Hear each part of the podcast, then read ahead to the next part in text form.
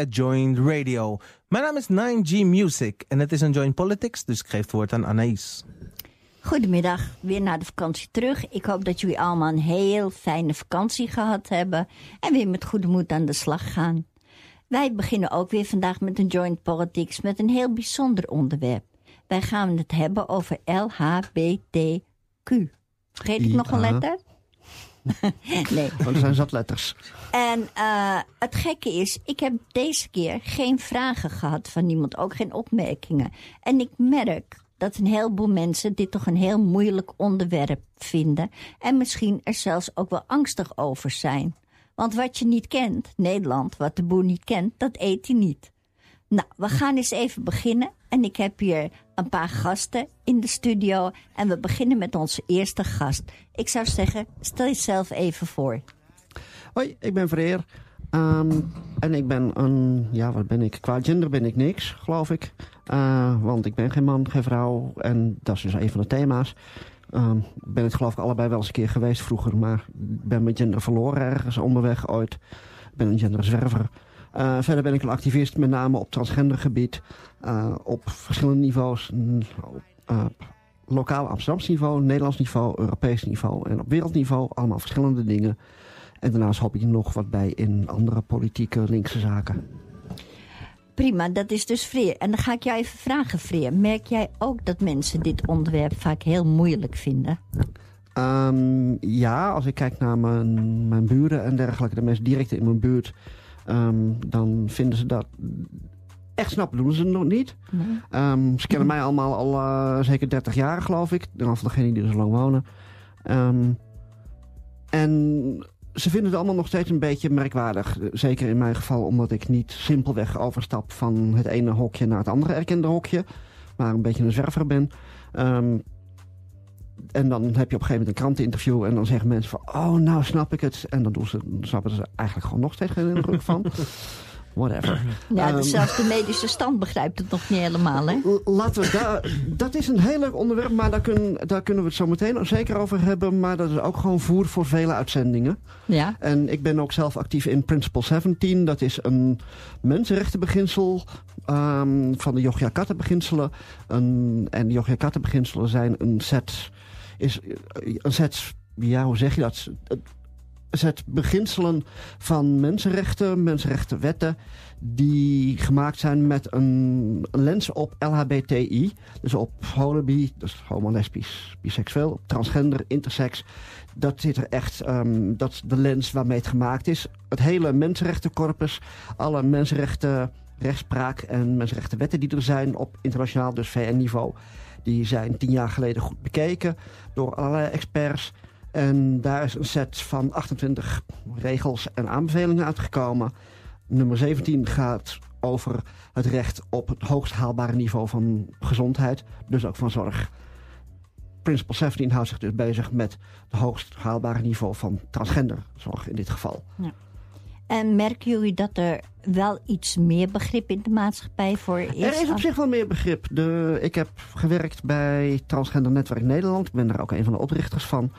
Um, Transgender Netwerk Nederland is de NGO voor transgenderzaken in Nederland. Um, en wij zijn eigenlijk degene die, of Transgender Netwerk heeft het begrip transgender geplukt in Nederland. En dat begrip is nou langzamerhand wel overal ingevoerd. Bijna niemand heeft het meer over transseksuelen bijvoorbeeld. Het gaat om transgender als de paraplu van alle mm. soorten trans. En dat is op zich wel doorgedrongen. Uh, maar omdat we in een vrij conservatieve tijd zitten op dit ogenblik... is het wel zo dat er vrij veel nadruk is, nog of weer... Um, en misschien ook van een weeromstuit... op het binair overstappen van man naar vrouw of van vrouw naar man. um, ik denk dat het een beetje van een weeromstuit is. Want je ziet nu ook op allerlei manieren hier in Nederland... dat er meer aandacht is voor het niet zozeer direct overstappen. Voor genderqueer, non-binair, uh, genderfluid. We hebben de HEMA, die, natuurlijk nu kort geleden kwam met uh, de zogenaamde genderneutrale kleding. We hebben de regenboogtaaltips in Amsterdam. We hebben de Nederlandse spoorwegen die per januari iedereen in de algemene berichtgeving gewoon met beste reizigers gaan aanspreken. Eindelijk. Ja, want Sorry, eh, reizigers sorry, zijn we allemaal. De eh, regenboogtips. Regenboogtaaltips. Dat is van de gemeente Amsterdam intern. Ja. Heeft nu een set adviezen hoe je het best ja, genderbreed, gendervrij, gendercreatief je taal kunt Genderneutraal. gebruiken. Niet meer ja, genderneutraal. Ik vind het een suffe term. Het doet te veel denken aan grijs en zo. En het gaat niet om grijs, het gaat juist om een hele regenboog. Hele regenboog. Inclusiviteit. Ja, dus inclusiviteit. Ehm, en die regenboogtaaltips betekenen dat je, mens, dat je de burgers niet meer aanschrijft met beste dames en heren, maar met beste burgers, lieve Amsterdammers. Ah, Liefst dat, gewoon nog wel echt op je Amsterdam, lieve Amsterdammers. Ehm, en dat soort dingen. Dat je mensen de mogelijkheid geeft om een titel te gebruiken, een aanspreektitel. En dat je mensen verder niet meer vraagt en ook niet meer confronteert met hun geslacht, hun gender. Want dat is niet nodig. Dat definieert je wel, maar vooral op persoonlijk niveau. Op maatschappelijk niveau is nergens van nodig. Nee, maar wat doe je nu met die mensen die echt nog heel graag aangesproken worden op de persoonlijke titel? Of zou dat iets heel Freudiaans zijn? Weet ik niet. Ehm, dat is leuk om te filosoferen. Praktisch gesproken, ik ben redelijk praktisch ingesteld in die dingen. Zou ik zeggen van nou, je geeft de mensen om, de mogelijkheid om onder andere meneer en mevrouw in te vullen. Helemaal Ja. prima. Als jij als meneer graag gesproken wilt worden, ongeacht hoe je er verder uitziet, dan kan dat toch. Dan moeten we het verder niet zo moeilijk over doen. Nou, maar dat Als je maar niet mij dwingt om ook als meneer en mevrouw te worden aangesproken. Nee, dat is persoonlijk, maar ik vond het heel typisch dat ik iemand sprak en die zei van ja, ik heb er zo lang over gedaan om eindelijk een man te zijn. En nu verdorie word ik aangesproken met genderneutraal. Ik vind dat niet leuk. Ik wil nu gewoon eindelijk met meneer aangesproken worden. Persoonlijk vind ik dat prima. Zal ik die wens ook gaarne honoreren. Wanneer het om algemeen maatschappelijke gaat, is het Norm. niet nodig. want ja, we, we zijn allemaal anders. Nou, En als, als het gaat om jou precies, die, die persoon die graag als man aangesproken wil worden, omdat hij zo hard zijn best heeft gedaan om die man te worden die hij zich voelt, helemaal prima. Dan moeten we dat ook vooral doen. Enig is dat je niet, dat je niet moet verwachten, niet moet eisen dat iedereen voortaan als meneer of mevrouw wordt aangesproken, omdat het niet eerlijk is. Er zijn talloze mensen die dat niet zijn. We weten dat een kwart van de jongeren van de zogenaamde millennials heeft zoiets van... ja, man, vrouw, weet ik veel. ja, het zal We hebben wel. ook een hele ja. hoop mensen die zeggen van... ja, homo, hetero, weet ik veel. Ja. We leven nu in een tijd waarin dat vrij sterk aan het vervagen, aan het verbreden is. Mhm. Daarom vind ik gender breed leuker dan genderneutraal. Of gendervrij, of gendercreatief eigenlijk. Je moet gendercreatief taalgebruik hanteren. Ja, nou zie ik Theo en Thea met kurren. Kom op, hé. Ja, dat is ook. Ja, ja. Voor mij part. Hey, wat ben je nou, Thij? Nee, maar ik snap wat je bedoelt. En ik vind Volgens het- mij krijgen we straks vragen van wie zijn Theo en Thea. Volgens mij. Oh ja, ja, ja. Het, het Nou ja. geeft wel iets aan, ja. En heel veel mensen die weten ook inderdaad niet wat gender breed, neutraal. Doe eens even wat, al die termen, wat dat Nou ja, eh, inhoudt. genderneutraal of dat, en alle varianten daarop. Dat betekent dat je niet zo dringend oplet op of iets mannelijk of vrouwelijk is. Het is buiten mannelijk of vrouwelijk. Het is inclusief mannelijk of vrouwelijk eigenlijk. In die zin is genderneutraal vooral genderinclusief. Mhm. Want het, schept, het geeft ruimte aan degenen die niet man zijn, niet vrouw zijn... of geen zin hebben om daarop te worden aangesproken. Maar het geeft ook dezelfde ruimte aan degenen die er wel zijn. Ja. Het enige is, je legt er gewoon niet meer de nadruk op. Het privilege wat je hebt om eh, als man of vrouw te worden aangesproken... dat verlies je op dat moment. Maar omdat een privilege een voorrecht is, is het ook niet erg. Eh, wat ik wel vind is heel typisch vanuit de eigen gemeenschap van de LHBTQ. Is er ook heel weinig respons geweest vanwege deze uitzending? Kan jij dat verklaren? Ehm, nee, ik, ik weet het niet. Ik weet natuurlijk ook niet hoe vaak er op andere onderwerpen reacties komen. Ik ken sowieso wel enkele reacties, begrijp ik. En nu nul reacties, dat is wel opvallend. Eh, ja, misschien omdat er de afgelopen week de Rotterdamse Pride Walk was... waar wel best het nodige over te doen was. Ja, vertel daar eens wat over. Wat is er allemaal gebeurd? Nou ja, goed. ehm, afgelopen week had Rotterdam zijn Pride Week. Ehm, die is even kijken, nu drie keer geleden gestart vanuit activisten. Lokale mensen, lokale jongeren hadden zoiets van... Rotterdam moet ook een Pride hebben, dat gaan we doen. Die was autonoom, als in niet gesponsord en dergelijke. Ehm, dat was leuk, heel klein. Toen is dat overgenomen. Ehm, overgenomen als in andere organisaties dachten van... goh, ja, dat is best een goed idee. Vorig jaar was KPN al meer betrokken. En nu is KPN de hoofdsponsor. Maar het is dus ondertussen gewoon vrij commercieel geworden. Ehm, Bijna alles, hè? Want de Cape Ja, Pride in Amsterdam Cape- is eigenlijk ook een bedrijf. breek eh, de- ja, breek me de bek niet open over Amsterdam wat dat betreft. Ehm, daar heb ik ook de vooraf in begin augustus ook duidelijk een actie bijgevoerd bij de Ja. kanalentocht. Ehm maar Rotterdam dus. Er was de Pride Walk en die werd aangevoerd door zogeheten gay conservatives. Oftewel gewoon homofascio's. Eh, ehm, het zijn namelijk ongelooflijk rechtse homo's. Het zijn Mhm. witte homomannen, jo- redelijk jong. De oprichter is eh, een witte Rotterdammer van 26. eh, die op Twitter met de, met de buste van Pim Fortuyn op de achtergrond staat. Dus heel duidelijk maakt hoe die, hoe die zich politiek voelt, leefbaar en zo. Eh, en dat is gewoon extreem rechts, punt. Ehm, en die club, die liepen vooraan, terwijl het niet moet. En het is een heel klein clubje. Er was sowieso was het al zo dat de ouderen, roze ouderen, die zouden veel meer vooraan moeten zitten. Ehm, wat er is gebeurd, ik heb dit van horen zeggen en van lezen, want ik was zelf helaas niet in gelegenheid om er te zijn. Maar wat er is gebeurd is dat ehm, toen er een kleine schermutseling was vanuit de biculturele eh, LHBTI-jongeren die er waren, ehm, toen zijn, hebben een paar van die conservatives en of hun vrienden, die hebben duidelijk lopen schoppen en duwen naar de jongeren toe. En naar de naar die- multiculturele ja, die jongeren. multiculturele jongeren. Ja? En volgens heeft de politie, notabene roze en blauw, ingegrepen. De biculturele jongeren geïsoleerd.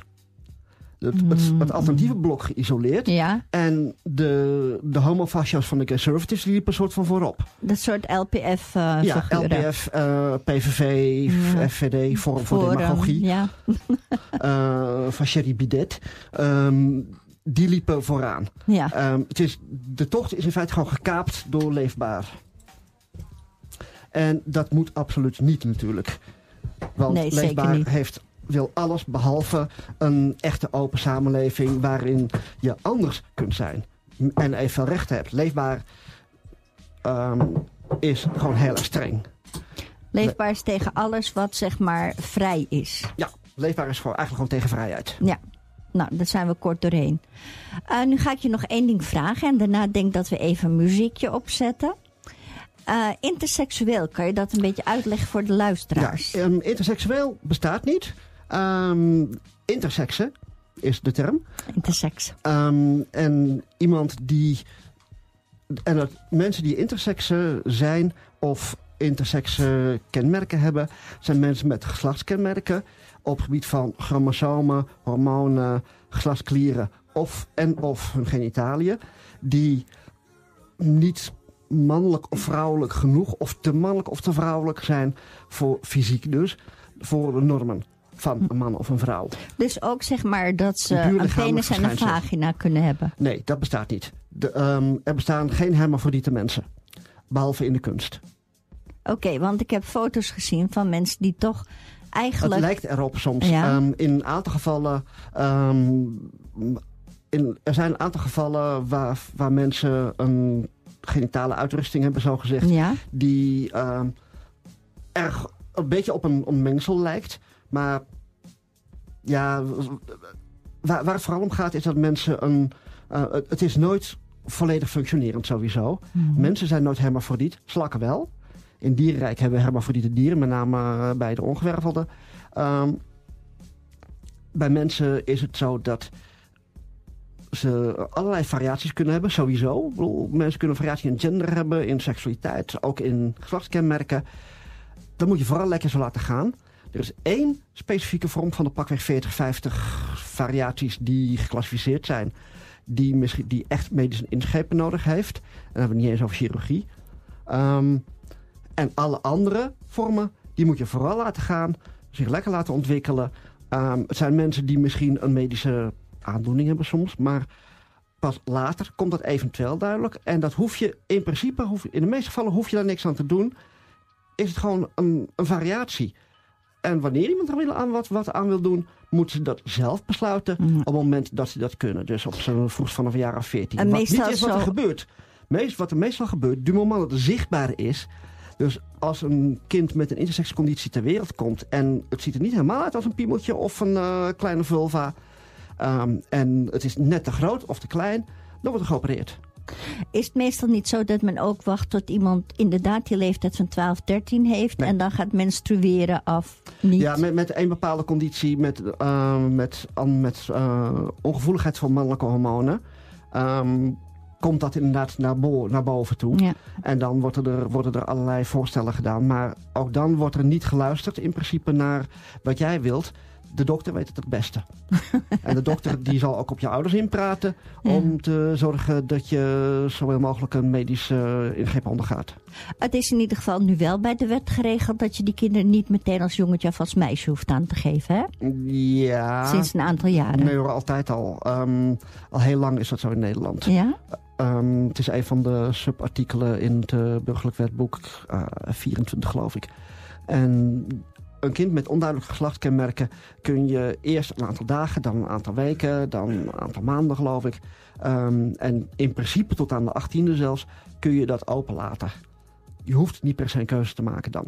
Maken we het leven niet gewoon hartstikke altijd, moeilijk? Want we weten, van, we weten van heel weinig mensen in Nederland dat, dat ze daarom ontsnapt zijn.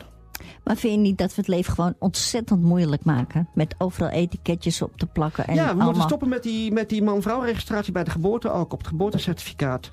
Mensen hebben lichamen en dat lichaam is ehm, in zekere zin gewoon een zak met botten en organen. Mhm. En het is belangrijk dat je weet wat iemand, hoe iemand fysiek in elkaar zit. Voor, wat voor, voor, om te kunnen weten dat bepaalde eh, medische problemen wel of niet kunnen optreden. Mm. En dan nog krijg je de verrassing dat mensen soms onverwacht over bepaalde organen beschikken. Ehm, en Ja, dus- binnenwaarts, dat valt niet meteen te zien natuurlijk. Nee, exact. En andere dingen ook. Ik bedoel, eh, er zijn mensen bij wie pas op heel late leeftijd bekend wordt dat ze, ehm, dat ze organen hebben die niet verwacht werden. Ja. Nou, ik stel voor, want onze tweede gast is binnengekomen, dat we even een muziekje opzetten. Ja, ja, ja, ja. We zijn zo terug. Ja, Tot zo. Joint Radio. Nou, ik kom je even...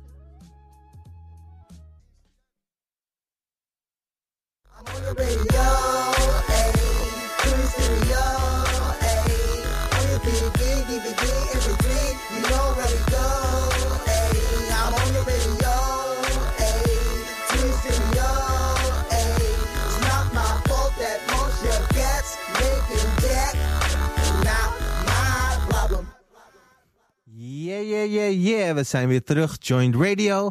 Het is een Joint Politics, dus Anaïs, aan jou het woord. Ja, we hebben net al even een gesprek gehad met Freer. En die heeft een heleboel dingen aan ons uitgelegd. En onderhand is Jorrit Nuyens van GroenLinks gemeenteraadslid aan tafel aangeschoven.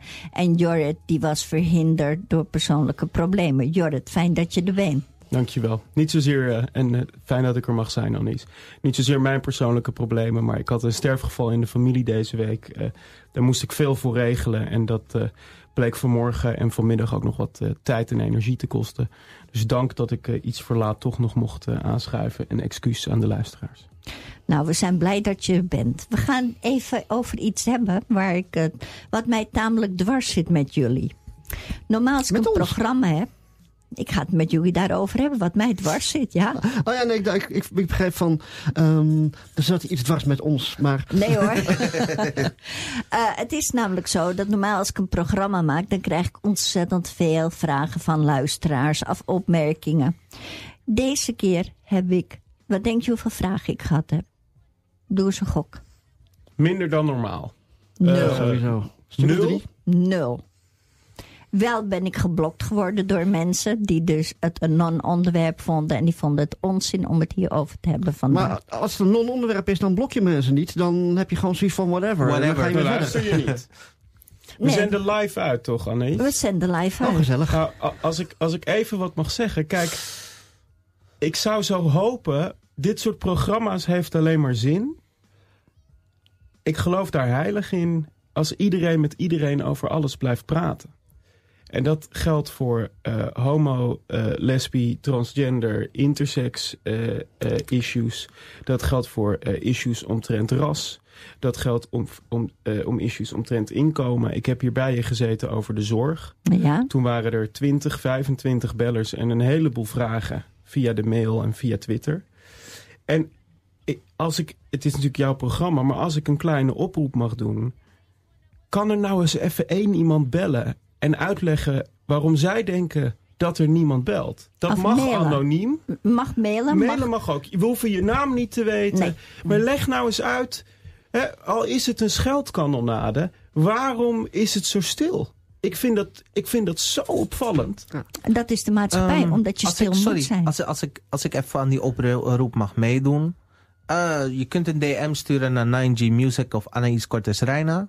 En dan lezen we het hier gewoon live voor. Ook op Joint Politics en Joint Radio FM. Alle, alle vier de kanalen. Zullen we afspreken Via dat Twitter we dan... Hm? Via Twitter. Via Twitter, ja. En zullen we dan afspreken dat we eh, eh, dat zonder handle of naam doen? Dat Ja, mensen anoniem Dat- zijn. Eigenlijk, daarom, ik sluit me aan bij je oproep. Het wordt, het wordt niet genoemd, degene... Je kunt heerlijk losgaan. Ja, ga, Want ga we los. weten niet wie je bent. Ja, want het gaat namelijk ook niet om oordelen. Het gaat er niet om dat, dat... Kijk, we moeten elkaar allemaal leren accepteren. Er zijn ook mensen in de samenleving die ik niet begrijp. Hmm. Of die eh, eh, culturele keuzes maken. Of die eh, lifestyle keuzes maken waarvan ik denk... Huh?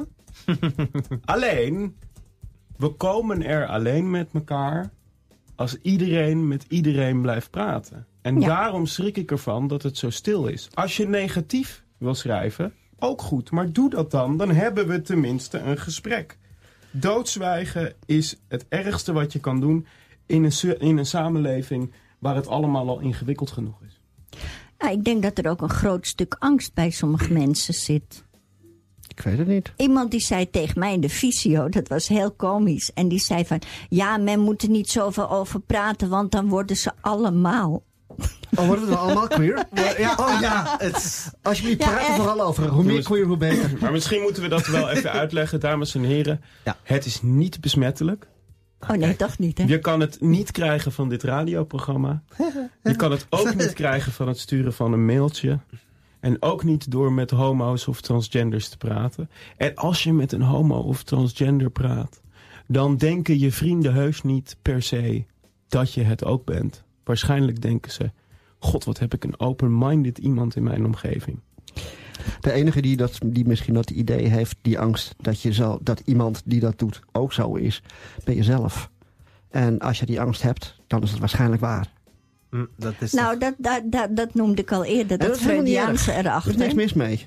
Het is zo, ik kan je zelfs, ik kan je met nou, een, een jaartje of veertig aan eh, trans, homo, queer enzovoort ervaring vertellen dat het op zich hartstikke leuk is om zo te zijn. Nou, ik zal je vertellen, er is nog wat anders aan de hand uit de psychiatrie. Want ik heb hier een psychiater in de studio gehad, Menno Oosthof. Die had een boek geschreven over dwangdenkbeelden.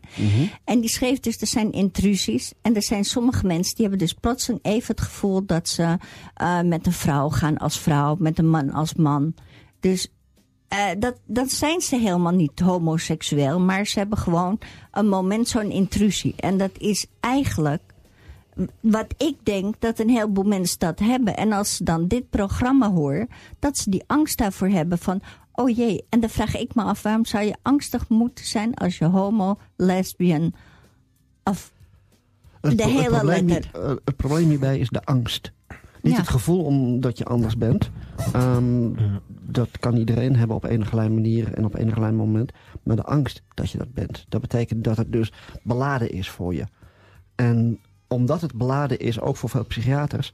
zijn zaken als transgender nog steeds in, eh, in psychiatrische klassificatie... de DSM, de grootste psychiatrische klassificatie ter wereld. Komt uit de VS oorspronkelijk. Gesponsord door de farmaceutische industrie. Inderdaad, de helft van de, meer dan de helft van de medewerkers heeft banden met de farmaceutische industrie. Heel Klopt. goed. Ehm, maar die DSM, die ook in Nederland wordt gebruikt, is de meest gebruikte, in ieder geval in de westerse en westers beïnvloede wereld. ehm, die zegt dat transgender een psychiatrische aandoening is. Oké, is tegenwoordig heet het genderdysforie en dat gaat De nadruk ligt dan op de last die je ervan zou hebben. Maar als je vervolgens gaat kijken, als je de kaft open doet van een boekie... dan zie je dat de inhoud van het boek niet echt veranderd is. Ze hebben in feite de oude diagnose genomen, nieuw kafje erom. En uh, tada. Dat is alles. Um, en het draait om die angst. Het draait om die, die, die maatschappelijke angst van, van het anders zijn. Anders zijn is nog steeds met, met angst omgeven in de, de mainstream maatschappij. En dat is best zorgwekkend. Nadat we toch in de jaren 70 eigenlijk als homo's en lesbo's langzamerhand los konden komen. Jaren 80 begonnen met de biseksuelen. Uh, transgender is uh, na 2000 echt gewoon aan het loskomen geslagen, hm. langzaam maar zeker. Jee, zeg, uh, ik weet, culturele veranderingen kunnen lang duren, maar... Nou, ik wil, ik wil het nog wel een graadje erger maken. In diezelfde DSM, alleen heette dat toen anders. Volgens mij heette het de Codex Medicus mm. daarvoor. Stond in 1915 gewoon dat je aan de schedel van iemand uit Afrika kon voelen dat hij minder intelligent was. Ja, en meten ook, hè? En dat je eh, kon, uh, frenologie heette dat. Nou, dat was een hele uh, wetenschap. Um, al die hokjes, en ik wil dat echt met heel veel nadruk zeggen... ik vind de strijd tegen racisme hetzelfde als de strijd tegen homofobie... Ja. tegen transgenderfobie, et cetera. Waarom? Omdat die hokjes gecreëerd zijn door de dominante groepen in de samenleving... om mensen in te stoppen. We weten, ras bestaat in zoverre niet... Kijk, er zijn verschillen in huidskleur... maar genetisch bestaat ras helemaal niet. Ik, ik lijk genetisch net zoveel op iemand uit Afrika... of op iemand uh, uit, uit Zuid-Amerika als andersom. Het is een koloniaal, patriarchaal dominant witte mannenconstruct om te doen alsof ras bestaat. Amen. En zo is het ook een patriarchaal, dominant, christelijk construct... wat bedoeld is om mensen klein te houden... een vijandbeeld te creëren, in hokjes te stoppen... waardoor dat vandaan komt. Ja. Daar noem je wat. Voor de christelijke kerk, voor de pauze en zo... dus dat echt, toen had men er veel minder last van. Toen had je zelfs, er bestond man, vrouw en een vorm. Een tussenvorm, ja. ja. En of dat een, is, een tussenvorm, ja, nou ja. categorie X. Inderdaad, ja. En dat is door de christelijke kerk, door de paus is dat ingesteld, dat dat niet meer mocht. Want men moest afman, afvrouw zijn. En toen is men dus heel erg begonnen ook met de katholieke kerk, met het uit uh, dat uh, homoseksualiteit, dat was slecht, dat, was, dat deugde niet. Maar onderhand gingen de priesters wel lekker hun uh, Terwijl, terwijl God ons toch echt zo heeft gemaakt. er is in die zin een duidelijk probleem dat um, in de, de zogeheten religies van het boek, de Abrahamitische religies, Jodendom, Christendom, Islam, is een grote repressieve traditie waarin homoseksualiteit wordt gekoppeld aan het verhaal van Lot. Um, en dat heet dan sodomie.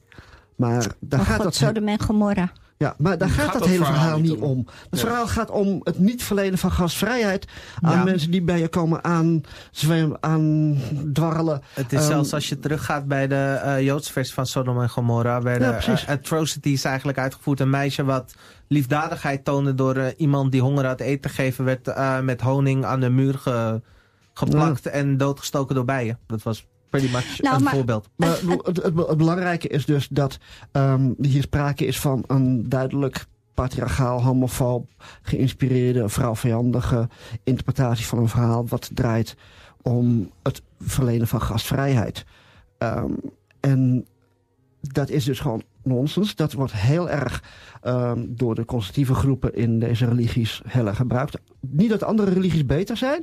Die hebben alleen andere verhalen en andere redenen om er Wil tegen te zijn. Ik toch even bij, op bij inspringen. Want in de Verenigde Staten is het heel bekend dat bij indianenstammen was dus iemand die een transgender was. De shamaan, ja. Ook heel vaak de shamaan of zijn hulp.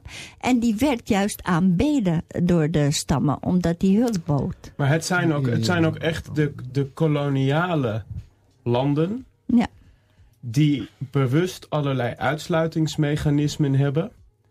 en hoe, vaak hoe armer het land... Hoe meer de nadruk wordt gelegd op uitsluitingsmechanismen. Klein voorbeeld. Tuurlijk, klein Rusland. Ja. Hoe slechter Poetin had het nooit over homo's. Wat heeft hij gedaan? Je kunt letterlijk een eh, grafiek maken waarin je de roebel ziet instorten. En dan zie je hem, de patriarch van de Russische kerk, Kirill II, van stal halen. En die begint naarmate die roebel instort steeds naardere dingen te zeggen over homo's. En mensen, dat is niet, trap er niet in. Ja. Dit is niet anders Ja, is dan wat we hebben gedaan met, met, met gekleurde mensen. Exact, dat wil ik net zeggen. Ja. Precies Ja, hetzelfde Het is een sociaal probleem bijna. Eigenlijk als ik het naar het hier en nu mag trekken. ehm, dit, is, dit, dit is één ding van eh, een groot gedeelte onbegrip. Het, het LHBTIA Enzovoort. LHB. enzovoort. LHBTI. Eh, het is, het, is, hoe heet dat? ehm, Altijd met eh, soep. Even een ja of nee vraag. Is de community eengezind en allemaal op één lijn? Nee? Nu, nu komt Welke het in- community? Het gaat om communities. Ja, nu, nu komt het interessante. De gay agenda. Dat is een van de grootste eh, fobische dingen. Dat eigenlijk iedereen bij elkaar eh, komt van die community en zegt dit gaan wij smeden, want dan krijgen wij de macht in de wereld. Ja, jullie, de, die agenda is onderdeel van de Illuminati- transagenda, is onderdeel van de achtige- queer agenda. Ja. En ik hoop dat die waarheid wordt. Ehm, ik hoop dat wij de, de wereldmacht gaan krijgen. Dan hebben wij namelijk geen macht, geen macht, dan is er geen macht meer. Ik denk dat deze, dit is een leuke vreer, maar ik denk dat mensen thuis nu een beetje schrikken. De Ja, ja, agenda betekent ongeveer eh, op maandag eh, eten koken voor mijn man en samen een filmpje kijken. Op dinsdag misschien hand in hand over straat kunnen lopen naar in, in, de, eh, in de Indische buurt naar de Albert Heijn zonder dat me iets nageroepen wordt. Maar ook zonder dat mensen moeilijk kijken, want dat gebeurt ook heel vaak. Ja. Gewoon Ja. normaal behandeld worden. De agenda is echt zo eng niet. Maar je mag echt het ook benoemen, hè? Je mag eigenlijk, vind ik, hè, als je een vraag erover hebt, dan vind ik het veel eerlijker als je op iemand afstapt en je vraagt gewoon van, hé, hey, mag ik wat vragen? Ik snap dit niet. Hoe zit dit nou eigenlijk? Denk je niet dat dat ook heel belangrijk is? Ja, maar ik denk dat, dat eh, eh, kijk, daar zit, dat zie je ook in de eh racisme discussie. Er is een, gewoon even om een parallel te trekken. Ik ben een witte man die heel graag een bondgenoot wil zijn in de racisme discussie. Ja. Maar ik ben echt witter dan ik, komen ze niet. Ben ik me zeer van bewust. Voel ik me soms nog schuldig over ook. In de tussentijd is er een, eh, een heleboel Amerikaanse termen geïmporteerd... die eh, eh, ik graag wil snappen en correct wil gebruiken... en met respect voor de mensen waar het over gaat wil inzetten. Alleen omdat het een discussie is die niet over mij gaat... kan ik het niet altijd volgen. Mhm. En als we daarin verharden met elkaar en het gesprek niet open houden. eh, kijk, ik blijf wel komen, maar je ziet het er online ook gebeuren. En dan zeggen mensen, nou, de, als ik dan meteen de vijand ben, laat dan maar. En dat is natuurlijk niet het probleem van degene die gediscrimineerd worden. Exact. Maar het is wel een maatschappelijk gegeven Ja. waar we rekening mee moeten houden. Dus je hebt op zich gelijk. Aan de andere kant, als ik op straat loop en allerlei mensen gaan mij aanspreken met mijn vriend. Of Freer aanspreken en zeggen... God, wat ben, ben jij nou een man of ben je nou een vrouw? Of hoe ben je nou geboren? En ben je nou homo of hetero? Ik denk dat Freer, en ik vind niet dat ik voor mezelf spreek... want je kan goed genoeg voor je, voor je eigen spreken... maar dan denk ik dat ik denk, soms zal denken... zeg schat, vind je het heel erg? Ik ben onderweg naar de Albert Heijn. Eh, mag dit op een ander moment? Ja. Dus ik snap jouw punt. Alleen dit gaat wel terug. En daarom zeg ik nogmaals, dames en heren... je mag mij altijd op straat aanspreken. Ik ben namelijk politicus en ik zit in de gemeenteraad. Google mij, Jorrit Nuyens, kan, zie je een foto. Je mag mij altijd op straat aanspreken, daar word ik voor betaald ook. Of je andere homo's, lesbo's, transgenders op straat aanspreekt, weet ik niet. Maar weet je wat ik zou doen? Ik zou, als er zo'n radioprogramma is... waar je normaal gewoon naar luistert en plezier van hebt... en waar je inbelt over de zorg... niet Anaïs blokken op Twitter... en niet eh, geen vragen stellen omdat je denkt... gewoon, nou wordt het ingewikkeld. Als het ingewikkeld wordt, moet je juist mailen. Want dat is de shit waar het Nou, om gaat. Dat bedoel ik, zo'n programma als dit, wat er juist voor is om mensen inzicht te geven in wat het eigenlijk inhoudt. En dat moet gebeuren. Men moet de discussie open houden. Men moet blijven praten met elkaar. Want op het moment dat je stopt met praten, dan is het afgelopen. Dan kunnen we enkel nog maar vechten uiteindelijk. Ja, en Wat was Martin Luther de... King? We will live together as brothers... or we will die together as fools. Nou, bijvoorbeeld. en dat laatste zie ik toch wel heel erg veel op het moment naar voren komen. Want juist in tijden dat economie minder is, dan is dat. Ja, Ja. eh, eh, eh, wat, wat, ik met, wat, me, wat ik wel heb is van ja, we moeten, ehm, we, moeten tolerant zijn. Eh, ik heb over een schurft aan het woord. Want het, het wil niet die- getolereerd worden. Precies, ik wil niet getolereerd worden, want dan, dat is een ziekte, die tolereer je. Ik ben geen ziekte en, voor en ik heb Of geen ernstige te ziekte. tolereren. Ehm, ook dat. Ehm, bovendien, tolerantie betekent dat er iemand is die de macht heeft om te tolereren. Die tegen jou Mhm. kan zeggen van, en over jou kan zeggen van, jij telt, je telt niet. Hmm. Ja, dat zijn machtsposities, die moeten weg. Ik ben lekker anarchistisch erin. Eh, gewoon hop, Nou, ik weg ga er wel in mee, hoor. machtsposities. Ehm, maar, en ik ben op zich, sta ik heel erg open om met heel veel mensen te praten. Behalve de mensen die in feite het debat, de discussie, ehm kortsluiten. Ehm, het zijn omdat ze zeggen van, oh, nou, dan hoeft het van mij niet meer. Maar mensen die dat doen vanuit het idee van... ehm, de mensen die aan de conservatieve kant staan... eh, die zeggen van het is eh, my way or the highway... Hmm. Ehm, die dus zelf alleen maar zeggen van alleen dit is mogelijk en de rest deugt niet, is ziek, is zondig, is crimineel enzovoort. En het gaat dan met name voor ehm, anders zijn en anders doen. Dus voor eh, niet wit zijn, niet hetero zijn, dat ze niet cisgender zijn, dus trans of zo. Ehm, daar ben ik heel intolerant in. Dat is een officiële term voor de intolerantieparadox van Karl Popper. Ehm, zoek het op. Het is heel belangrijk. Ik ben intolerant tegenover intolerantie.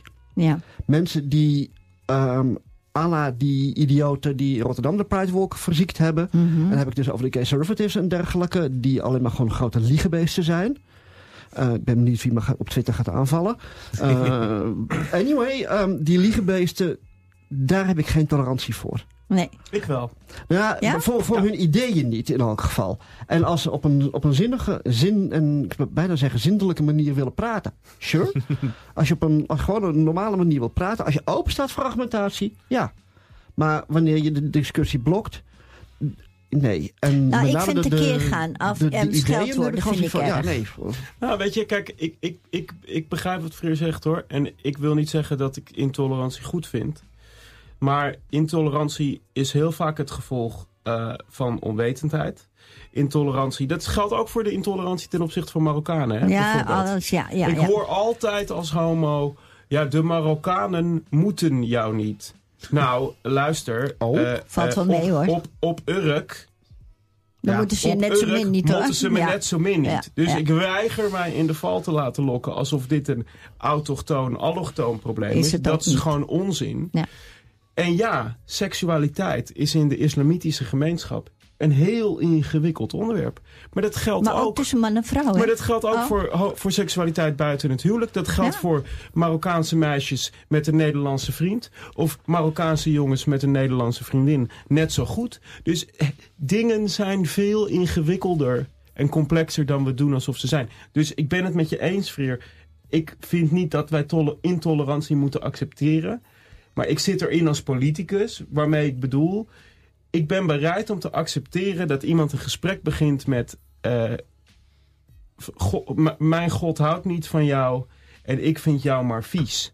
Als dat gesprek maar uiteindelijk ergens toe kan leiden. Als er een gesprek mogelijk is, dan ben ik de beroerdste niet. Ehm, en ik vind, daarna vind ik het gewoon... ehm, als je me betaalt, prima. Het werkt namelijk. Eh, dat wordt werk. een andere uitzending ooit. Betaal me maar voor voorlichting. Nou. Dan is het gewoon voorlichting. En ik ben educator van beroep in die zin. Over Ja. transgender, intersex en mensenrechten. ja. En dit is voorlichting, educatie. En zeker wanneer dat gestru- wanneer structureel moet of zo. Nou, komt u maar. Maar ik ga je afbreken, want ik geloof dat wij even aan de koffie gaan. Ja, Oh, gezellig. nog 25 seconden en we gaan het tweede uur in.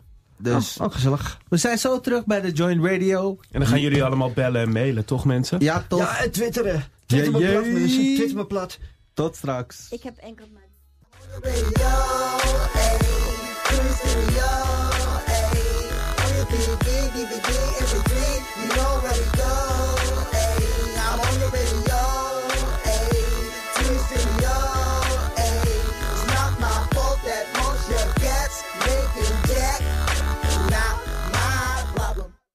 Yeah, yeah, yeah, yeah, joined radio.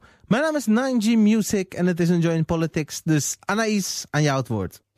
Ja, we hebben vandaag een heel bijzondere uitzending. We gaan het hebben over LHBTQ en nog veel meer. Plus. Wij hebben in de studio Freer. Hoi. Ai, en wat doe jij, Freer? Ehm, ik hou me bezig met educatie en belangbehartiging op, met mensenrechten als achtergrond voor intersex en transgender belangen. In Nederland en internationaal. Dank je wel. En wij hebben ook in de studio Jorrit Duyens van GroenLinks. Jorrit, Wat, wat doe ik? wat zeggen? doe jij precies? Ja. Me kwaad maken om het onrecht in de wereld. Nou, en dat hebben we meer van nodig. ja, toch? Nou ja, dit is wel gewoon even de kortste samenvatting. Oké. Nou, we hebben het in het eerste uur hebben we het een beetje gehad over het sociaal-medische. Nu wil ik weten, hoe zit het in de politiek? Hoe zit het in de politiek? Ehm, in de politiek... ehm, kijk, de homo... De homo bestaat niet, maar homoseksualiteit... ehm, is natuurlijk in de Nederlandse politiek al best wel lang omarmd als iets waar eh, voor gelijke rechten geknokt moet worden. Dus we hebben in Nederland het homohuwelijk, eh et cetera. Nee, we hebben geen homohuwelijk. We hebben Sorry, een we hebben het openstelling. openstelling van het huwelijk voor paren van gelijk geslacht. Mierenneuker. Eh, Dat Ja, ook dat nog is belangrijk, erbij. want dat betekent dat je geslacht en je gender er niet meer toe doen als je wilt nee, je hebt, je hebt gelijk. Je hebt, je hebt helemaal gelijk. Ehm, eh, de rechten eh, van transgenders eh, zijn eh, ingewikkelder. Ja. Eh, eh, je moet nog steeds langs een psychiater eh, die, nou ja, basically voor jou moet bepalen of je eh, echt wel de gender hebt die je zelf zegt dat je hebt. Dus je Eh. weet het zelf niet, maar de psychiater die moet dat uitvinden wat jij bent. Nou, je weet het Nou. zelf wel, maar je moet Ja, het aan nou, de oké. psychiater bewijzen. Maar Als ik het de expert en mensen die het zelf heeft doorgemaakt... kan aangeven hoe het vandaag de dag zit. Je moet langs een psycholoog. Dat duurt een half jaar. Of als je zegt dat je non-binair bent, dat je genderqueer bent... dat je dus niet van de ene hokje naar het andere kan, erkende hokje wilt oversteken... dan duurt het vaak een jaar. Dus je bent een half jaar tot een jaar bezig met een psychologische... ja, keuringsproces. In feite het is een keuringspsycholoog waar je bij zit eigenlijk. Want, en het is niet voor jou. Het is niet om te zorgen dat men weet of jij wel het aan kunt. Maar het is te- om de hun voor fouten te behoeden. Nee, om hen zelf voor fouten te behoeden. Dus claims en zo. En de verzekeraar voor ja, kosten en te de behoeden. verzekeraar dan. Maar dat, dat het dan, dan krijg je een jaartje... Dan, in principe kun je dan zeggen van... Ik wil chirurgie en geen hormonen. Dat doen ze bijna nooit. Maar het mag wel, want de wet eist niet meer dat je zowel hormonen als, als chirurgie en dergelijke gehad moet hebben. De wet vereist vrijwel niks meer. Een, een uurtje met een psycholoog babbelen, die je dan een brief geeft van ja, deze persoon is, nou, weet zeker van zichzelf dat ze dit willen. Maar de, de, de, de protocollen zijn veel zwaarder dan de wet eist, toch? Dat klopt, de protocollen en de wet zijn losgekoppeld, maar het probleem is dat de protocollen niet echt zijn aangepast. En Of de wet niet. ja, de wet is wel Ja, aangepast, de wet maar is versimpeld, maar dat uurtje wat de wet vereist is in de praktijk veel meer dan een uurtje, toch? Nee, de, er zijn twee verschillende dingen. Je hebt één uurtje dat je praat voor het wettelijk veranderen. Ja, En dan willen ze weten, ehm, je ben, je, ben, ben jij zeker van jezelf? Ja? Kun jij hierover oordelen? Dat wil zeggen, zien wij als deskundigen niet heel snel dat er een psychologisch, psychiatrisch probleem zit? Ja? Ehm, vrijwel iedereen is gewoon zonder enig probleem doorgegaan. Ja? Dan kun je meteen naar eh, het geboorteregister van de stad van geboorte gaan met die brief. En zeggen van, hoi, ik wil de zaak gaan veranderd hebben. Ehm, en daarnaast heb je het medisch gebeuren. Want lang niet iedereen die voor de wet wil veranderen, wil lichamelijk ook veranderen. Mhm.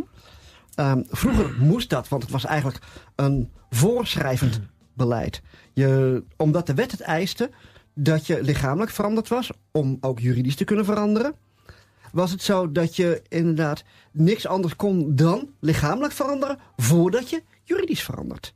Dus los, dus je hoeft niet meer lichamelijk te veranderen. Alleen als jij kan dat nu alleen het. juridisch. Dan doe Ja. je het.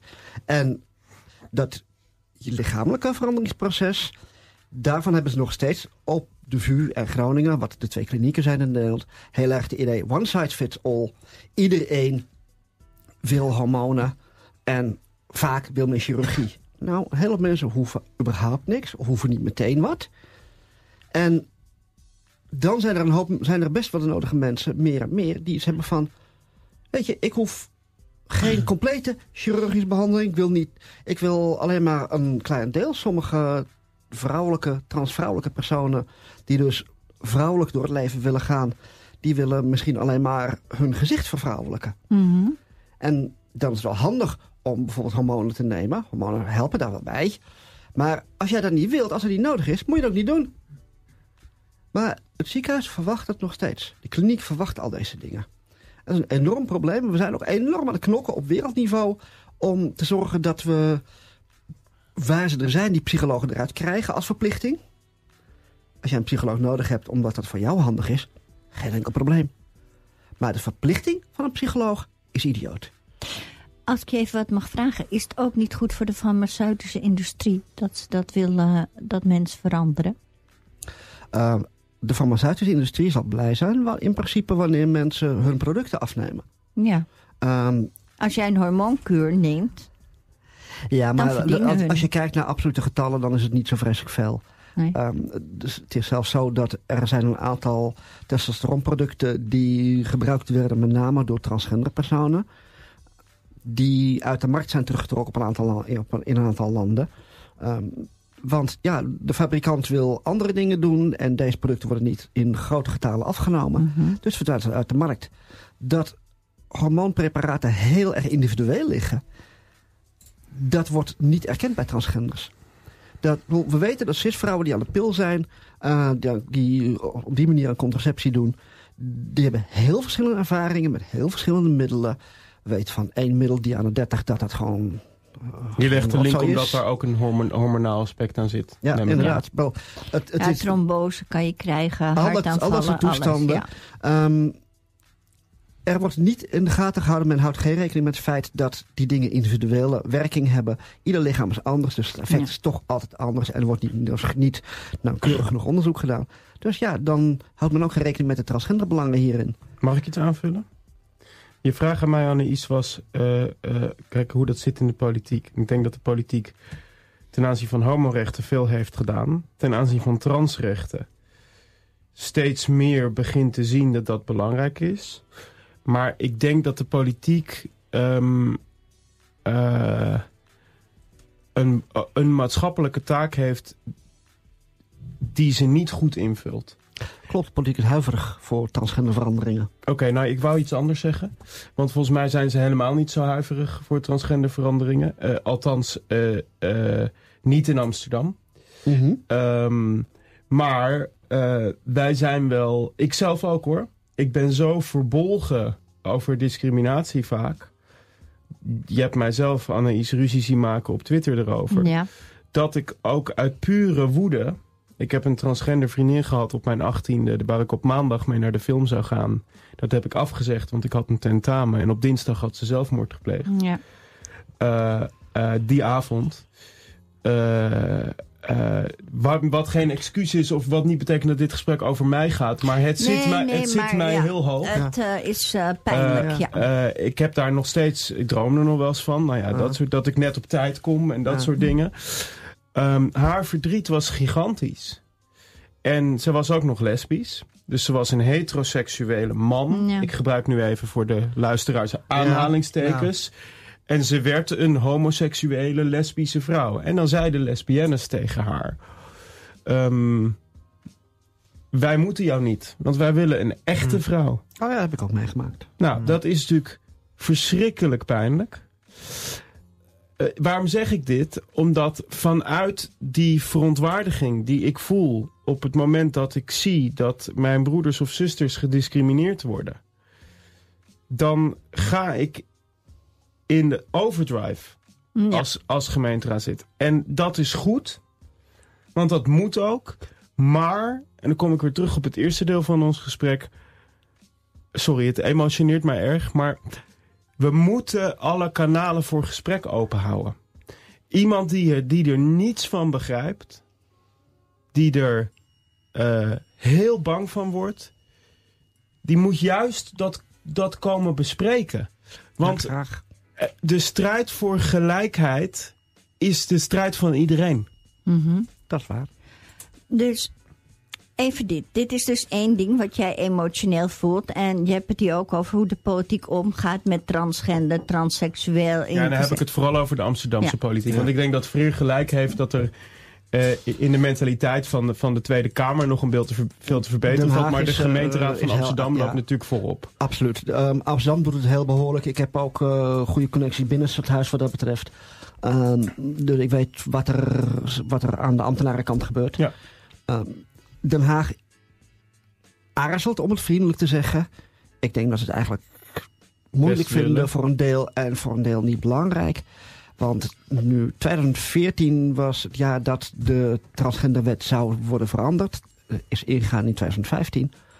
Eh volgens zou die drie jaar la, zou die mm, na een drie jaar termijn.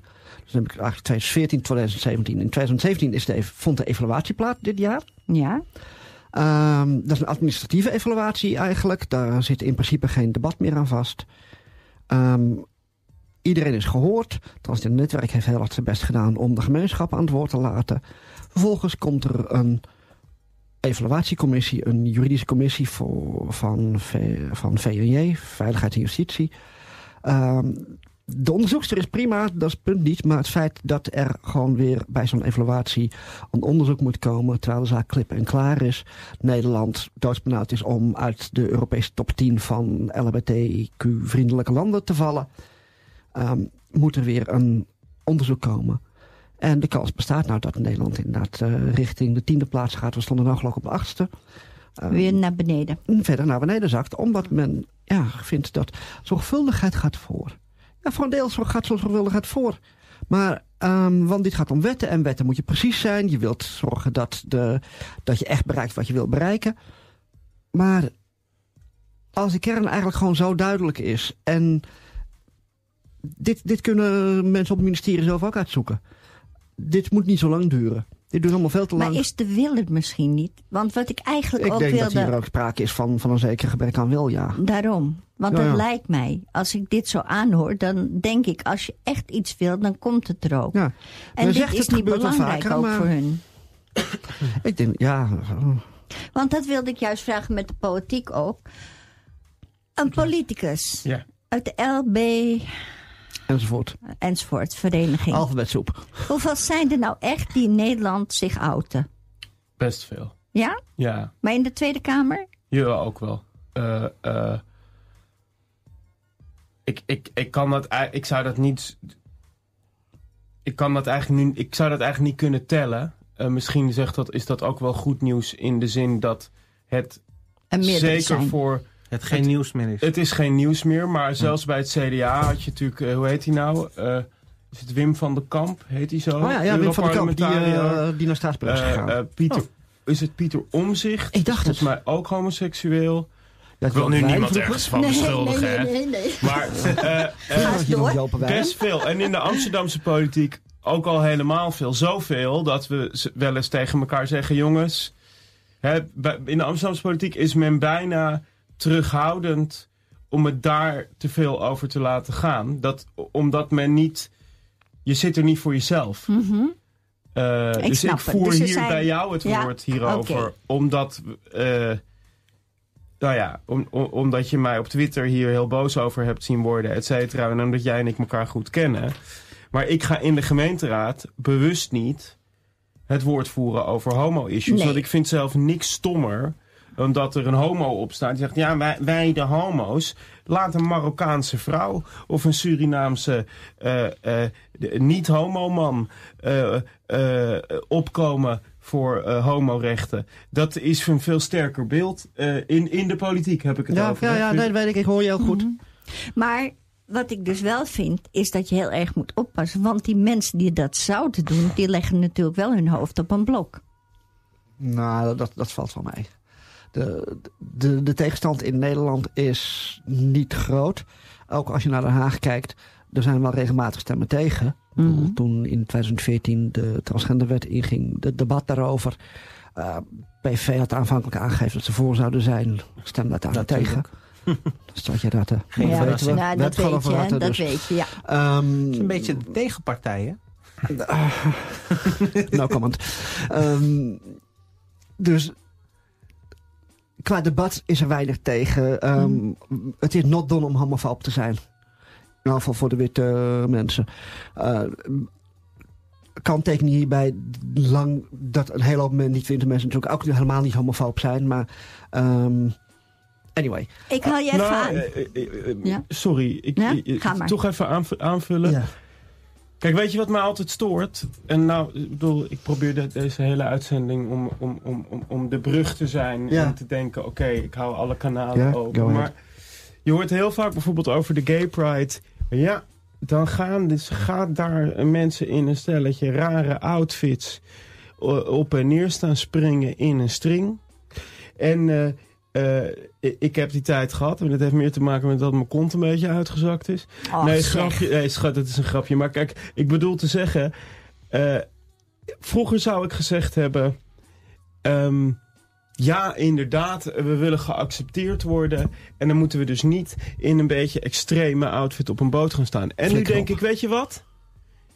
Als niet dat alle homo's de hele dag eh, in een string door het leven lopen. Integendeel. Maar als ik me als jou moet gaan gedragen om door jou geaccepteerd te worden, dan hoef ik jouw acceptatie Ja. niet. Nee, dat snap ik. Daar gaat het om. Ja. Er, er zijn allerlei soorten mensen op deze wereld in een miljard kleuren. Eh, ook, ook hetero's in een miljard kleuren. Hè? Ik bedoel, Oh, bedoel niet dat wij nou zo alles. speciaal nee, zijn. Nee, maar we hebben het vandaag hier wel over natuurlijk. Dus Natuurlijk, maar, Maar, maar het is aan het de- onderwerp aangesloten. er zijn... Kijk, of er zijn eigenlijk helemaal geen hokjes... Mhm. Of er zijn hokjes waar we allemaal maar in heel beperkte mate in passen. Of er zijn eigenlijk, hoeveel mensen zijn er? 6 miljard verschillende hokjes. En ik geloof eigenlijk nog wel dat het misschien een beetje het laatste is. Dus eh, normaal bestaat niet. Ik ga niet normaal doen. En je hebt me maar toch lekker te accepteren. Dat als ik normaal moet gaan doen, met andere woorden, me als die grote gemene deler moet gaan gedragen, zodat jij me trekt, Kan je maar don, wegdragen. donder dan maar op. Kan je maar wegdragen. Nou, ik ga nu even op Freer in, want die had het over wit. Eh, ik heb me een beetje ingelezen in Mhm. alles. En ik las dus dat vroeger in Amsterdam was een taxichauffeur. Dat is een heel bekend verhaal in Amsterdam. En dat was een man die wilde graag vrouw worden. En die is toen naar Rabat gegaan. Niet die heeft Casablanca? Casablanca.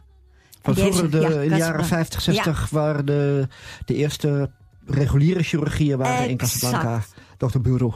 En ik vond het wel even interessant om dat aan te halen. Omdat men het altijd maar heeft over de moslimgemeenschap in Nederland. Die dan alleen maar iets tegen homo's zou hebben of tegen transgenders. Dat is in Iran ook zo. In Iran heeft, is er ook een eh, uitspraak van eh eh, Khomeini... dat eh, eh, omdat eh, de profeet niks gezegd heeft over transgenderisme... het dus ook niet haram is. Misschien dat Klopt. dat in Marokko ook zo is. Nou, maar dat, Marokko was in die tijd nog een Franse kolonie. Ehm, ja, zeker de eerste jaren. Boeren werkte vanaf 53, 54. Toen was Marokko nog een Franse kolonie. Daarna natuurlijk, of, pardon, Spa ja, Frans, Spaans, Frans. Frans, Eh, Spaans, ja. enclaves. Ja, precies. Ehm, en Boeroe die werkte daar gewoon. En die werkte tot met eh, de jaren 60, laat, langer misschien zelfs nog. Ehm, en ja, die werkte daar. Taxichauffeurs wisten het gewoon. Iedereen wist het. En nou ja, goed. Ehm, men gaat gewoon zijn gang. En het was de, voor, de tijd voor de grote invloed van salafisme. De Saoedische stroming van de islam. Die nou Mhm. overal met heel erg veel oliegeld wordt gestimuleerd. In de eh, islamitische wereld. Ehm, dus men was ook wat dat betreft veel toleranter. Het idee dat de islam niet tolerant is, is recent. Wordt heel erg politiek gestimuleerd Mhm. door rechts. Klopt. En voor zover het waar is, komt het door, over precies door de rijke westerse landen met hun oliebelangen gestimuleerde ehm, gelden uit de olieopbrengsten in Saudi-Arabië, Qatar. eh, de Arabische Emiraten. Daar komt het vandaan. Die gooien inderdaad miljoenen dollars eh, tegen het radicaliseren aan. Ja. Daar komen die maffe radicale imams vandaan. Vaak met steun ook van allerlei westerse geheime diensten. We weten dat Al-Qaeda is opgericht, gestimuleerd door de CIA. Ja, ja, ja, ja, ja. We weten idem van In ISIS. Irak toen eh, Dus, hebben ze ehm, ISIS In die zin gefondeerd is het een, zelfgecreëerde vijand waar we tegen vechten. Ja. Ja. Wat dus heel veel dingen aangeeft op geopolitiek gebied. Uh, maar terug naar Marokko Ja. in die zin. Ja, Um, het was niet een heel groot punt. Um, en haram of halal, eh, voor mij speelde het niet zo vreselijk. Je, het, was een, uh, het was een praktijk voor met name westerse mensen. Uh, mijn tranny granny uit Nederland, mijn trans oma uit Nederland, die heeft daar in 54 als een van de eerste mensen aan chirurgie gehad. ja? Ze is net 80 geworden, eh, een maand geleden of zo. Dus ja, die heeft daar in 54 of zo de Dus dat is wel gehad. bekend Ja, eigenlijk. ja, dat er was een hele mooie eh, documentaire in, in Nederland. Ehm, ik ben de naam even kwijt, maar ehm, Michel van Alf heette die man, geloof ik. Ehm, beroemde documentaire van een paar jaar geleden over een aantal Nederlandse, Vlaamse en een Duitse vrouw die in Casablanca zijn geholpen. En hoe het hun later is vergaan. Oké. Er is een beroemde Cochinel in Parijs. Als je dat een beetje gaat onderzoeken, dat is ook eh voer voor boeken. Hm. In Amsterdam hadden we Aisha, Aisha Bergamin. Ehm, beroemde transvrouw. Helaas heeft haar bondmantel het museum niet gehaald, want die was gewoon helemaal vol met, eh, met luizen enzovoort. Dat was, dat was gewoon, ja, gewoon door, door jaren heen. Ehm, niet omdat zij, ehm, omdat zij niet hygiënisch was, maar gewoon omdat die bondmantel viel niet te conserveren. Mhm. Daarom heeft hij helaas de, de collectie van het museum niet gehaald, of het Amsterdam Museum. Maar het is wel leuk, het Amsterdam Museum, vroeger het Amsterdam Historisch, heeft nou een aantal, elementen, aantal dingen uit de Transmissions Transgender Expositie overgenomen en aangekocht in hun collectie. Nou, dat is mooi. Het is een begin van... Ja, er vindt dus een, een zekere queering van de collectie plaats Ja. op nationaal gebied ook. En dat is erg leuk. Zou het niet een leuk idee zijn aan het Koningshuis? We hebben dat toch, hè? Kijk, ik zelf hou We niet van het. Koningshuis. En eh, van mij mogen ze weg. Maar goed, zou het niet een heel goed idee zijn als die zich eens hierin mengden? Eh, ik hoop dat, eh, dat een van de prinsen, prinsessen Ja. ehm, en wat dan ook inderdaad op een of andere manier van de familie zijn en daar ook voor uitkomen. Er was altijd een gerucht dat voor mij Friso het was. Ja, dat jarenlang heeft dat gerucht gespeeld. Maar goed, eh, ja, ik denk dat ze een, een aardige rol hier kunnen hebben. Want over Engeland zei men het ook, maar het wordt dan over, onder de tafel geschoven en eh, het mag niet, hè? Nee, er, zijn, er is wel langzaam het een en ander aan het veranderen. Vroeger was het zelfs zo dat de koningin de eh, homoseksuele partners van buitenlandse ambassadeurs niet ontving. Ja, klopt. Eh, dat is veranderd. Eh, al onder Beatrix zelf. Eh, eh, daarvoor hebben we niet moeten wachten op eh, Willem-Alexander en Maxima. Ehm, zat ik nooit op te wachten. hoor. Deze, eh, deze republikein zwijgt even. Maar eh, ehm, weet je wat me zo irriteert? Even Nou, tussendoor. vertel. Dat ze eigenlijk prinses is en dat we er Ja, allemaal koningin ja, noemen. Ja, Ja, Ik En en dus noem als niet je- koningin hoor. En, eh, eh, Erger nog, er komt binnenkort familie van mij uit Argentinië over. En die zei heel trots, ja, onze Argentijnse ja. is jouw koningin geworden. En toen heb ik gezegd, ik buig en kniel voor geen één instantie. En dat vond ze niet zo leuk. En ze is geen koningin. Nee. Als je op nu op rijksoverheid.nl... en mensen worden er altijd heel boos over, maar ik kan het niet laten. Ik weet dat het hier niet Leuk. over gaat, dus Mag we stoppen even, er zo even, over. Maar gewoon heel even tussendoor. gaan we door gewoon... Eh, als je op rijksoverheid.nl kijkt, eh, of je googelt Maxima, comma, aanspreektitel, dan staat er Prinses Maxima wordt aangeduid als koningin. Dat betekent dus niet dat ze de koningin is. Ze is prinses als, ja. en we duiden haar aan als koningin. Maar goed, dit allemaal Nou, terzijde. Bes- besef even. Dit is hetzelfde land waar wij moeilijk doen over reiziger. Ja, ja, ja, ja, precies. Ja, hey, nu Ah, komt het wel allemaal bij bent- Kijk, dat is van Dat is- Wauw. Judith is een mooi bruggetje. Wauw.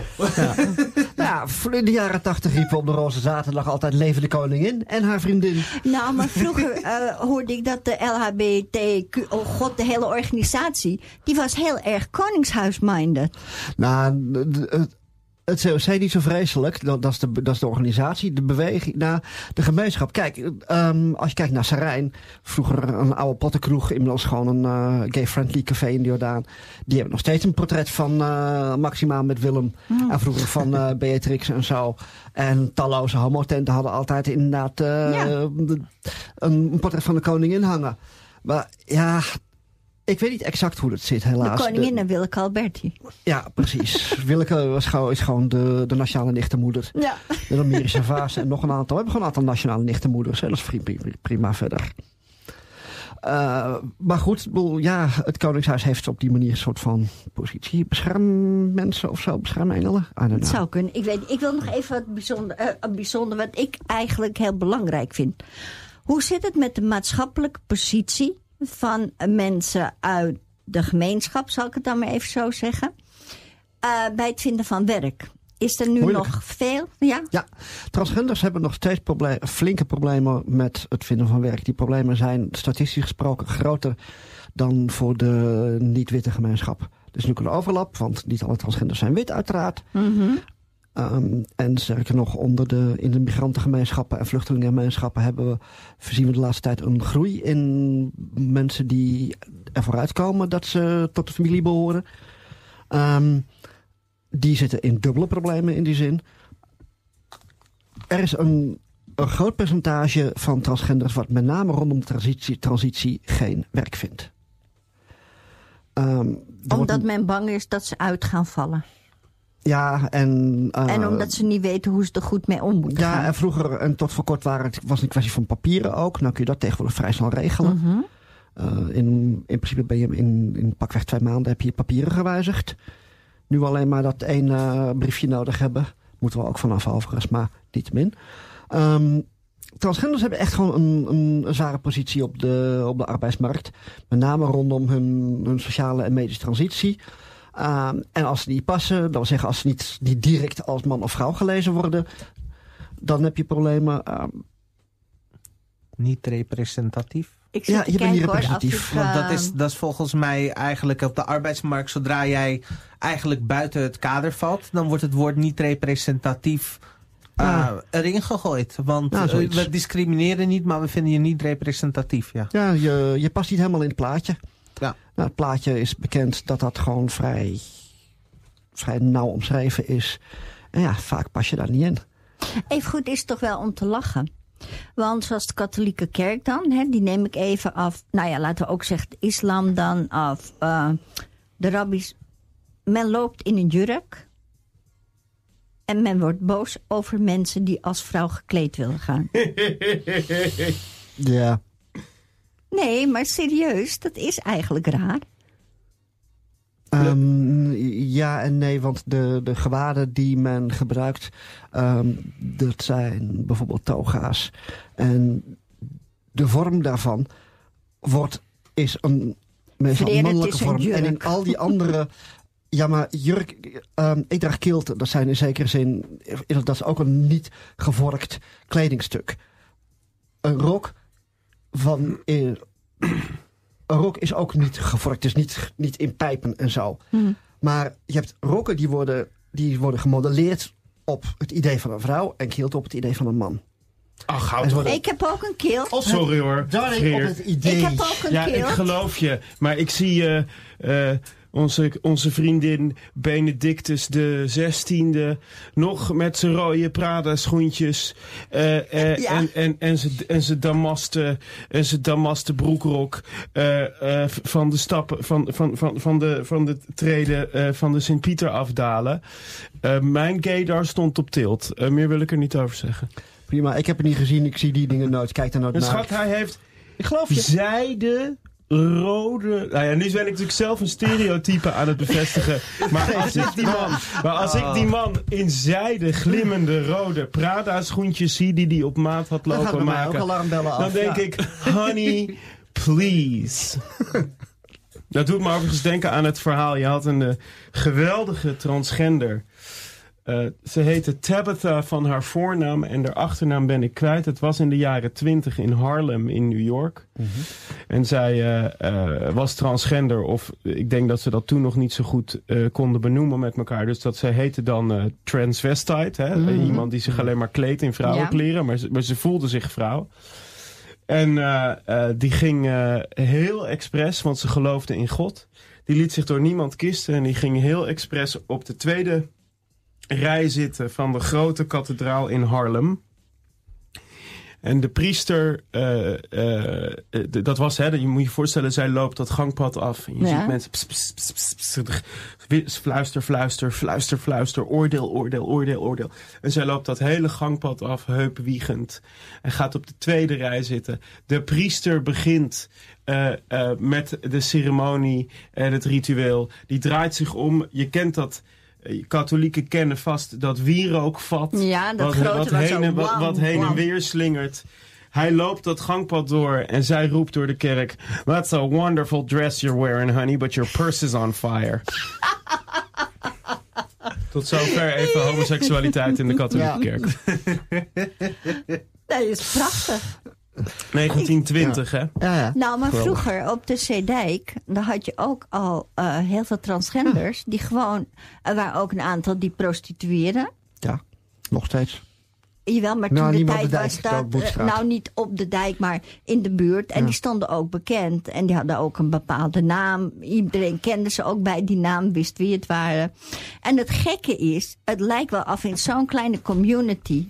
wat je dan ontucht, ik doe het nu even aanhalingstekens, zou noemen... werd dat meer ge- gewoon gevonden dan in de zogenaamde society. En dat is wel een teken van hypocrisie natuurlijk. Nou ja, kijk, op het moment dat je... Je hebt het over de, de, de, de, ontucht in de katholieke kerk. Nee, gewoon de ontucht, eh, de buurt, de Nieuwmarktbuurt, de Walletjes en zo. En daar woonden dus een aantal transgenders die zich ook prostitueerden. Maar iedereen kende deze mensen bij naam. En men zei ook gewoon tante Annie of zo. Ja. En dat was geen enkel probleem.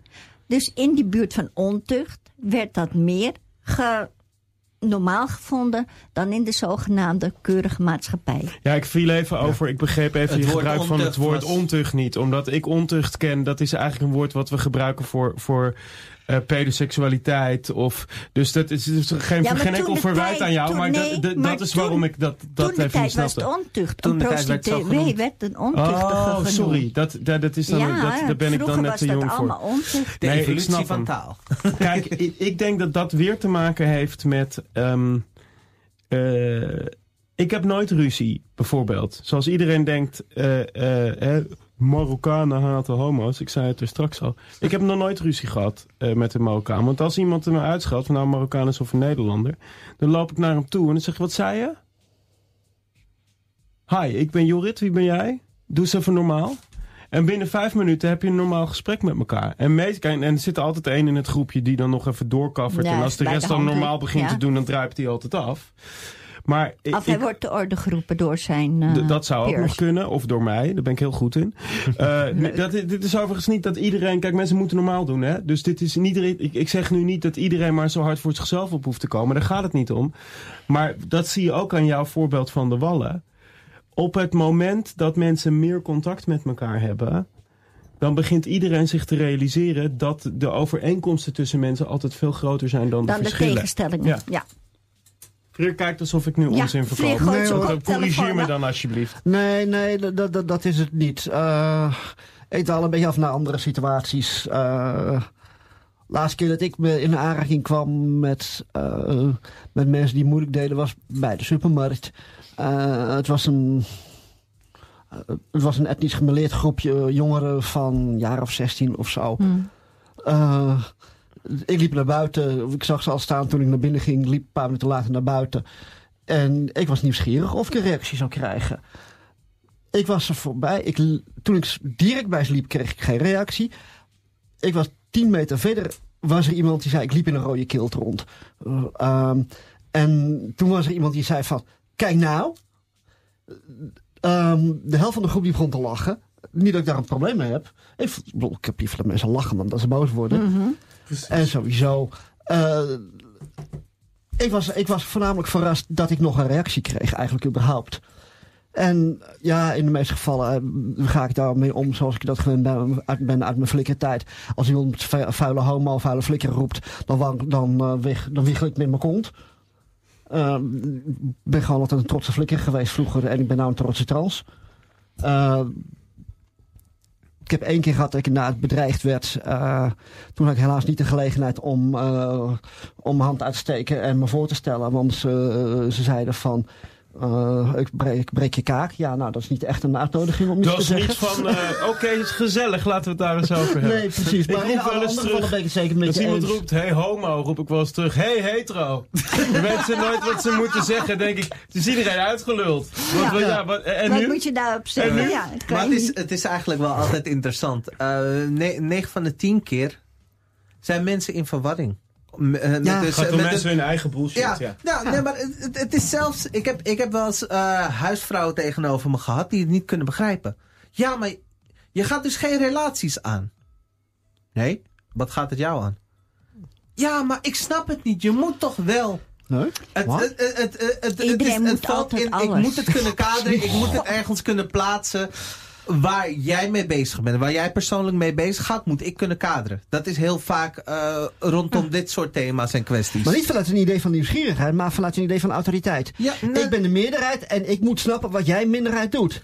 nee, maar ook, Kijk, uit maar toch ook van de algemene maatschappij. Nee, maar- nieuwsgierigheid vind ik het prima. Ja. Wil ik graag weten hoe jij in elkaar zit. Maar niet vanuit het idee van, ja kom op nou. Maar dit is, dit is, dit is Maar, ook het ehm, interessante.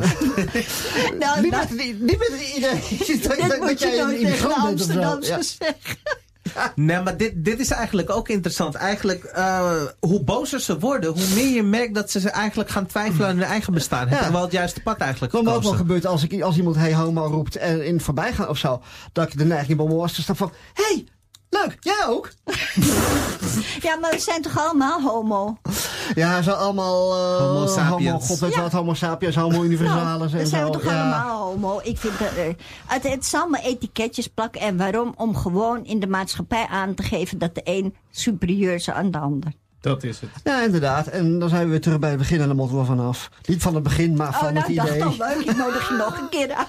Nou, graag. Lijkt me leuk, schat. Nee, maar dat is wel wat me soms verdriet doet. Dat ik denk, kijk, even voor de duidelijkheid. De PVV komt alleen maar tegen, voor homo's op als ze er Marokkanen mee Ja. kunnen pesten. Precies.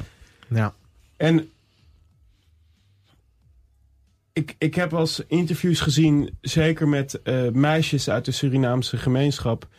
Eh, hoe zou, en de Caribische gemeenschap. Hoe zou je het vinden als je broer homo was? Oh, zo erg. Oh, zo erg. Nou, ben ik ook maar een witte nicht uit de binnenstad. Dus ik wil helemaal niet zeggen dat ik daarmee kan beoordelen hoe dat ligt in de Afro-Caribische gemeenschap. Integendeel. Maar ik hoop wel dat iedereen met elkaar snapt. Gelijkheid is gelijkheid. En de strijd voor gelijke rechten voor vrouwen is de strijd voor gelijke rechten voor homo's. Is de strijd voor gelijke rechten voor zwart en wit. Ja. Is de strijd voor Exact. transgenders. Het is Ja, het is erkenning voor iedereen die zichzelf moet kunnen zijn. En ophouden met denken dat normaal bestaat. Ja, ze moeten radicale gelijkwaardigheid eisen. En economische rechtvaardigheid. Die tellen ook heel erg samen. Zeker. En Want- weet je waar ik denk waar ook dingen moeten beginnen? Mijn broer, die had een vriend. En daar trok hij altijd heel erg mee op. Sean heette die. Ja. En dat was een hele goede gabber. En die twee waren onafscheidelijk. Sean die bleef bij mijn ouders thuis slapen. En dat was geen enkel probleem en omgekeerd. Geef ogenblik kreeg mijn moeder kreeg een telefoontje van de vader van Sean. Eh, ja, eh, luister, ik geloof dat onze zoons homo's zijn. Toen zei mijn moeder, oh ja? Oh, en wat nu dan? En nu? Hij wist daar verder, ja, maar dat is toch erg? Nou, ik weet niet, is dat dan erg? Die man die heeft opgehangen, want die kon, kwam geen... En ik geloof, als dat begint van huis uit... Nou, dat soort dingen, Hè, ja. Dat je eh, voor je kinderen staat als van nou jongen, wat jij ook bent, of meid, wat jij ook wordt. Ik sta er en ik ben er voor je. En je mag van mij doen wat je wil, als je maar gelukkig bent. Nou, dat is dus heel belangrijk, met name ook voor transgender kinderen. Ehm, er is een enorme suicidaliteit onder transgender kinderen. Zeker. Maar zodra je ziet dat, zodra zij een duidelijke erkenning hebben van hun ouders, als hun ouders goed met ze omgaan, van wie je ook bent, ik hou van je, als op school netjes met ze wordt omgegaan, pest wordt tegengegaan, dan zie je dat de statistieken kelderen en dat het met die kinderen zoveel beter gaat. Maar daarom is pesten ook zo vreselijk. Uh, Ik ben ook vreselijk gepest uh, op de lagere school en het begin van de middelbare school. Ergens rond mijn dertiende, veertiende kreeg ik twee hele goede vriendinnen. En toen dacht ik, uh, zie je wel, ik ben best leuk. En toen kreeg ik een enorm grote bek. En toen was het binnen zes maanden over met mij pesten. Maar op de lagere school, kijk, als je jong bent dan kan je nog niet overzien hoe lang het leven is. Mm -hmm. Dus dan denk je, als je op je twaalfde of dertiende wordt getreiterd en gepest... om iets waarvan je voelt van binnen dat je er niet voor hebt gekozen... en wat ook niet weg zal gaan... Nee. Want ik heb heus geprobeerd, ik heb echt Playboy gekocht en gedacht... Uh, kan, ik, kan ik het hier En nou is Hugh Hefner nou, ook nog dood, Jezus. Ach ja, God hebben zijn ziel. Maar, maar uh, ik heb echt de Playboy gekocht en gedacht... oké, okay, hier ga je, jij gaat leren om het hierop te kunnen. nou, ik vind het mooie mensen, vrouwen, maar ik ga het er niet op kunnen. Gaat nooit gebeuren, het spijt me. Hoeft ook niet. Maar toen ik 12 was, dacht ik... Het, het, hele leven. Nee, maar ik dacht, als ik dan gepest werd of zei ze: hey homo. Ik dacht dat het hele leven zo zou zijn. Je beseft niet dat je 18 wordt, 19 wordt, 20 wordt. Dat je je eigen leven gaat invullen. Dat er een ander moment komt. Dus juist jonge mensen dat gevoel van veiligheid geven is zo belangrijk. Want de, de, het, het, het zelfmoordpercentage onder jonge mensen is zo hoog. Omdat ze ook nog niet het relativeringsvermogen en de volwassenheid hebben om zich te realiseren dat er een moment komt van meer acceptatie en Ja. meer vrijheid. En dat je op een gegeven moment je eigen omgeving ook een beetje meer mag gaan kiezen. Dus docenten, ouders, die moeten dat helpen scheppen. En medeleerlingen ook. En ik hoop ook met deze uitzending dat we enigszins een licht hebben kunnen werpen op dit onderwerp. We hebben hier heel interessante dingen gehoord van onze gasten Freer en van Jorrit Nuyens. Ik vind het heel erg jammer. Tot op nu heb ik slechts één reactie van Arnold van der Kluft gehad. Maar voor de rest heeft niemand hierop gereageerd. En ik zou jullie eens aanraden. Bij deze uitzending zit een ontzettend goede column van een mens die ik heel hoog had, had zitten helaas. En lees dat. En in het vervolg denk een beetje na over de dingen. En ga niet zomaar stom dingen roepen. Want mijn gasten mogen dat niet zeggen, maar ik mag het wel zeggen. Iedereen die mij geblokt heeft, die zijn voor mij eigenlijk mensen die ik niet meer als waardige partner zie. Dit was de Joint Politics. Ga maar. Normaal is het heel gezellig hier hoor mensen.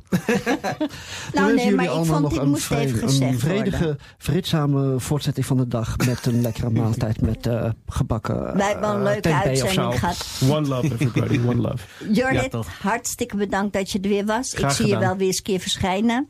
Freer, ik vond het ook leuk dat jij hier was. Ik vond het ook gezellig. Ik vond het heel interessant en bedankt. En de volgende keer gaan we naar het kinderpardon. En dan ga ik je nu teruggeven aan 9G. Bedankt voor het luisteren.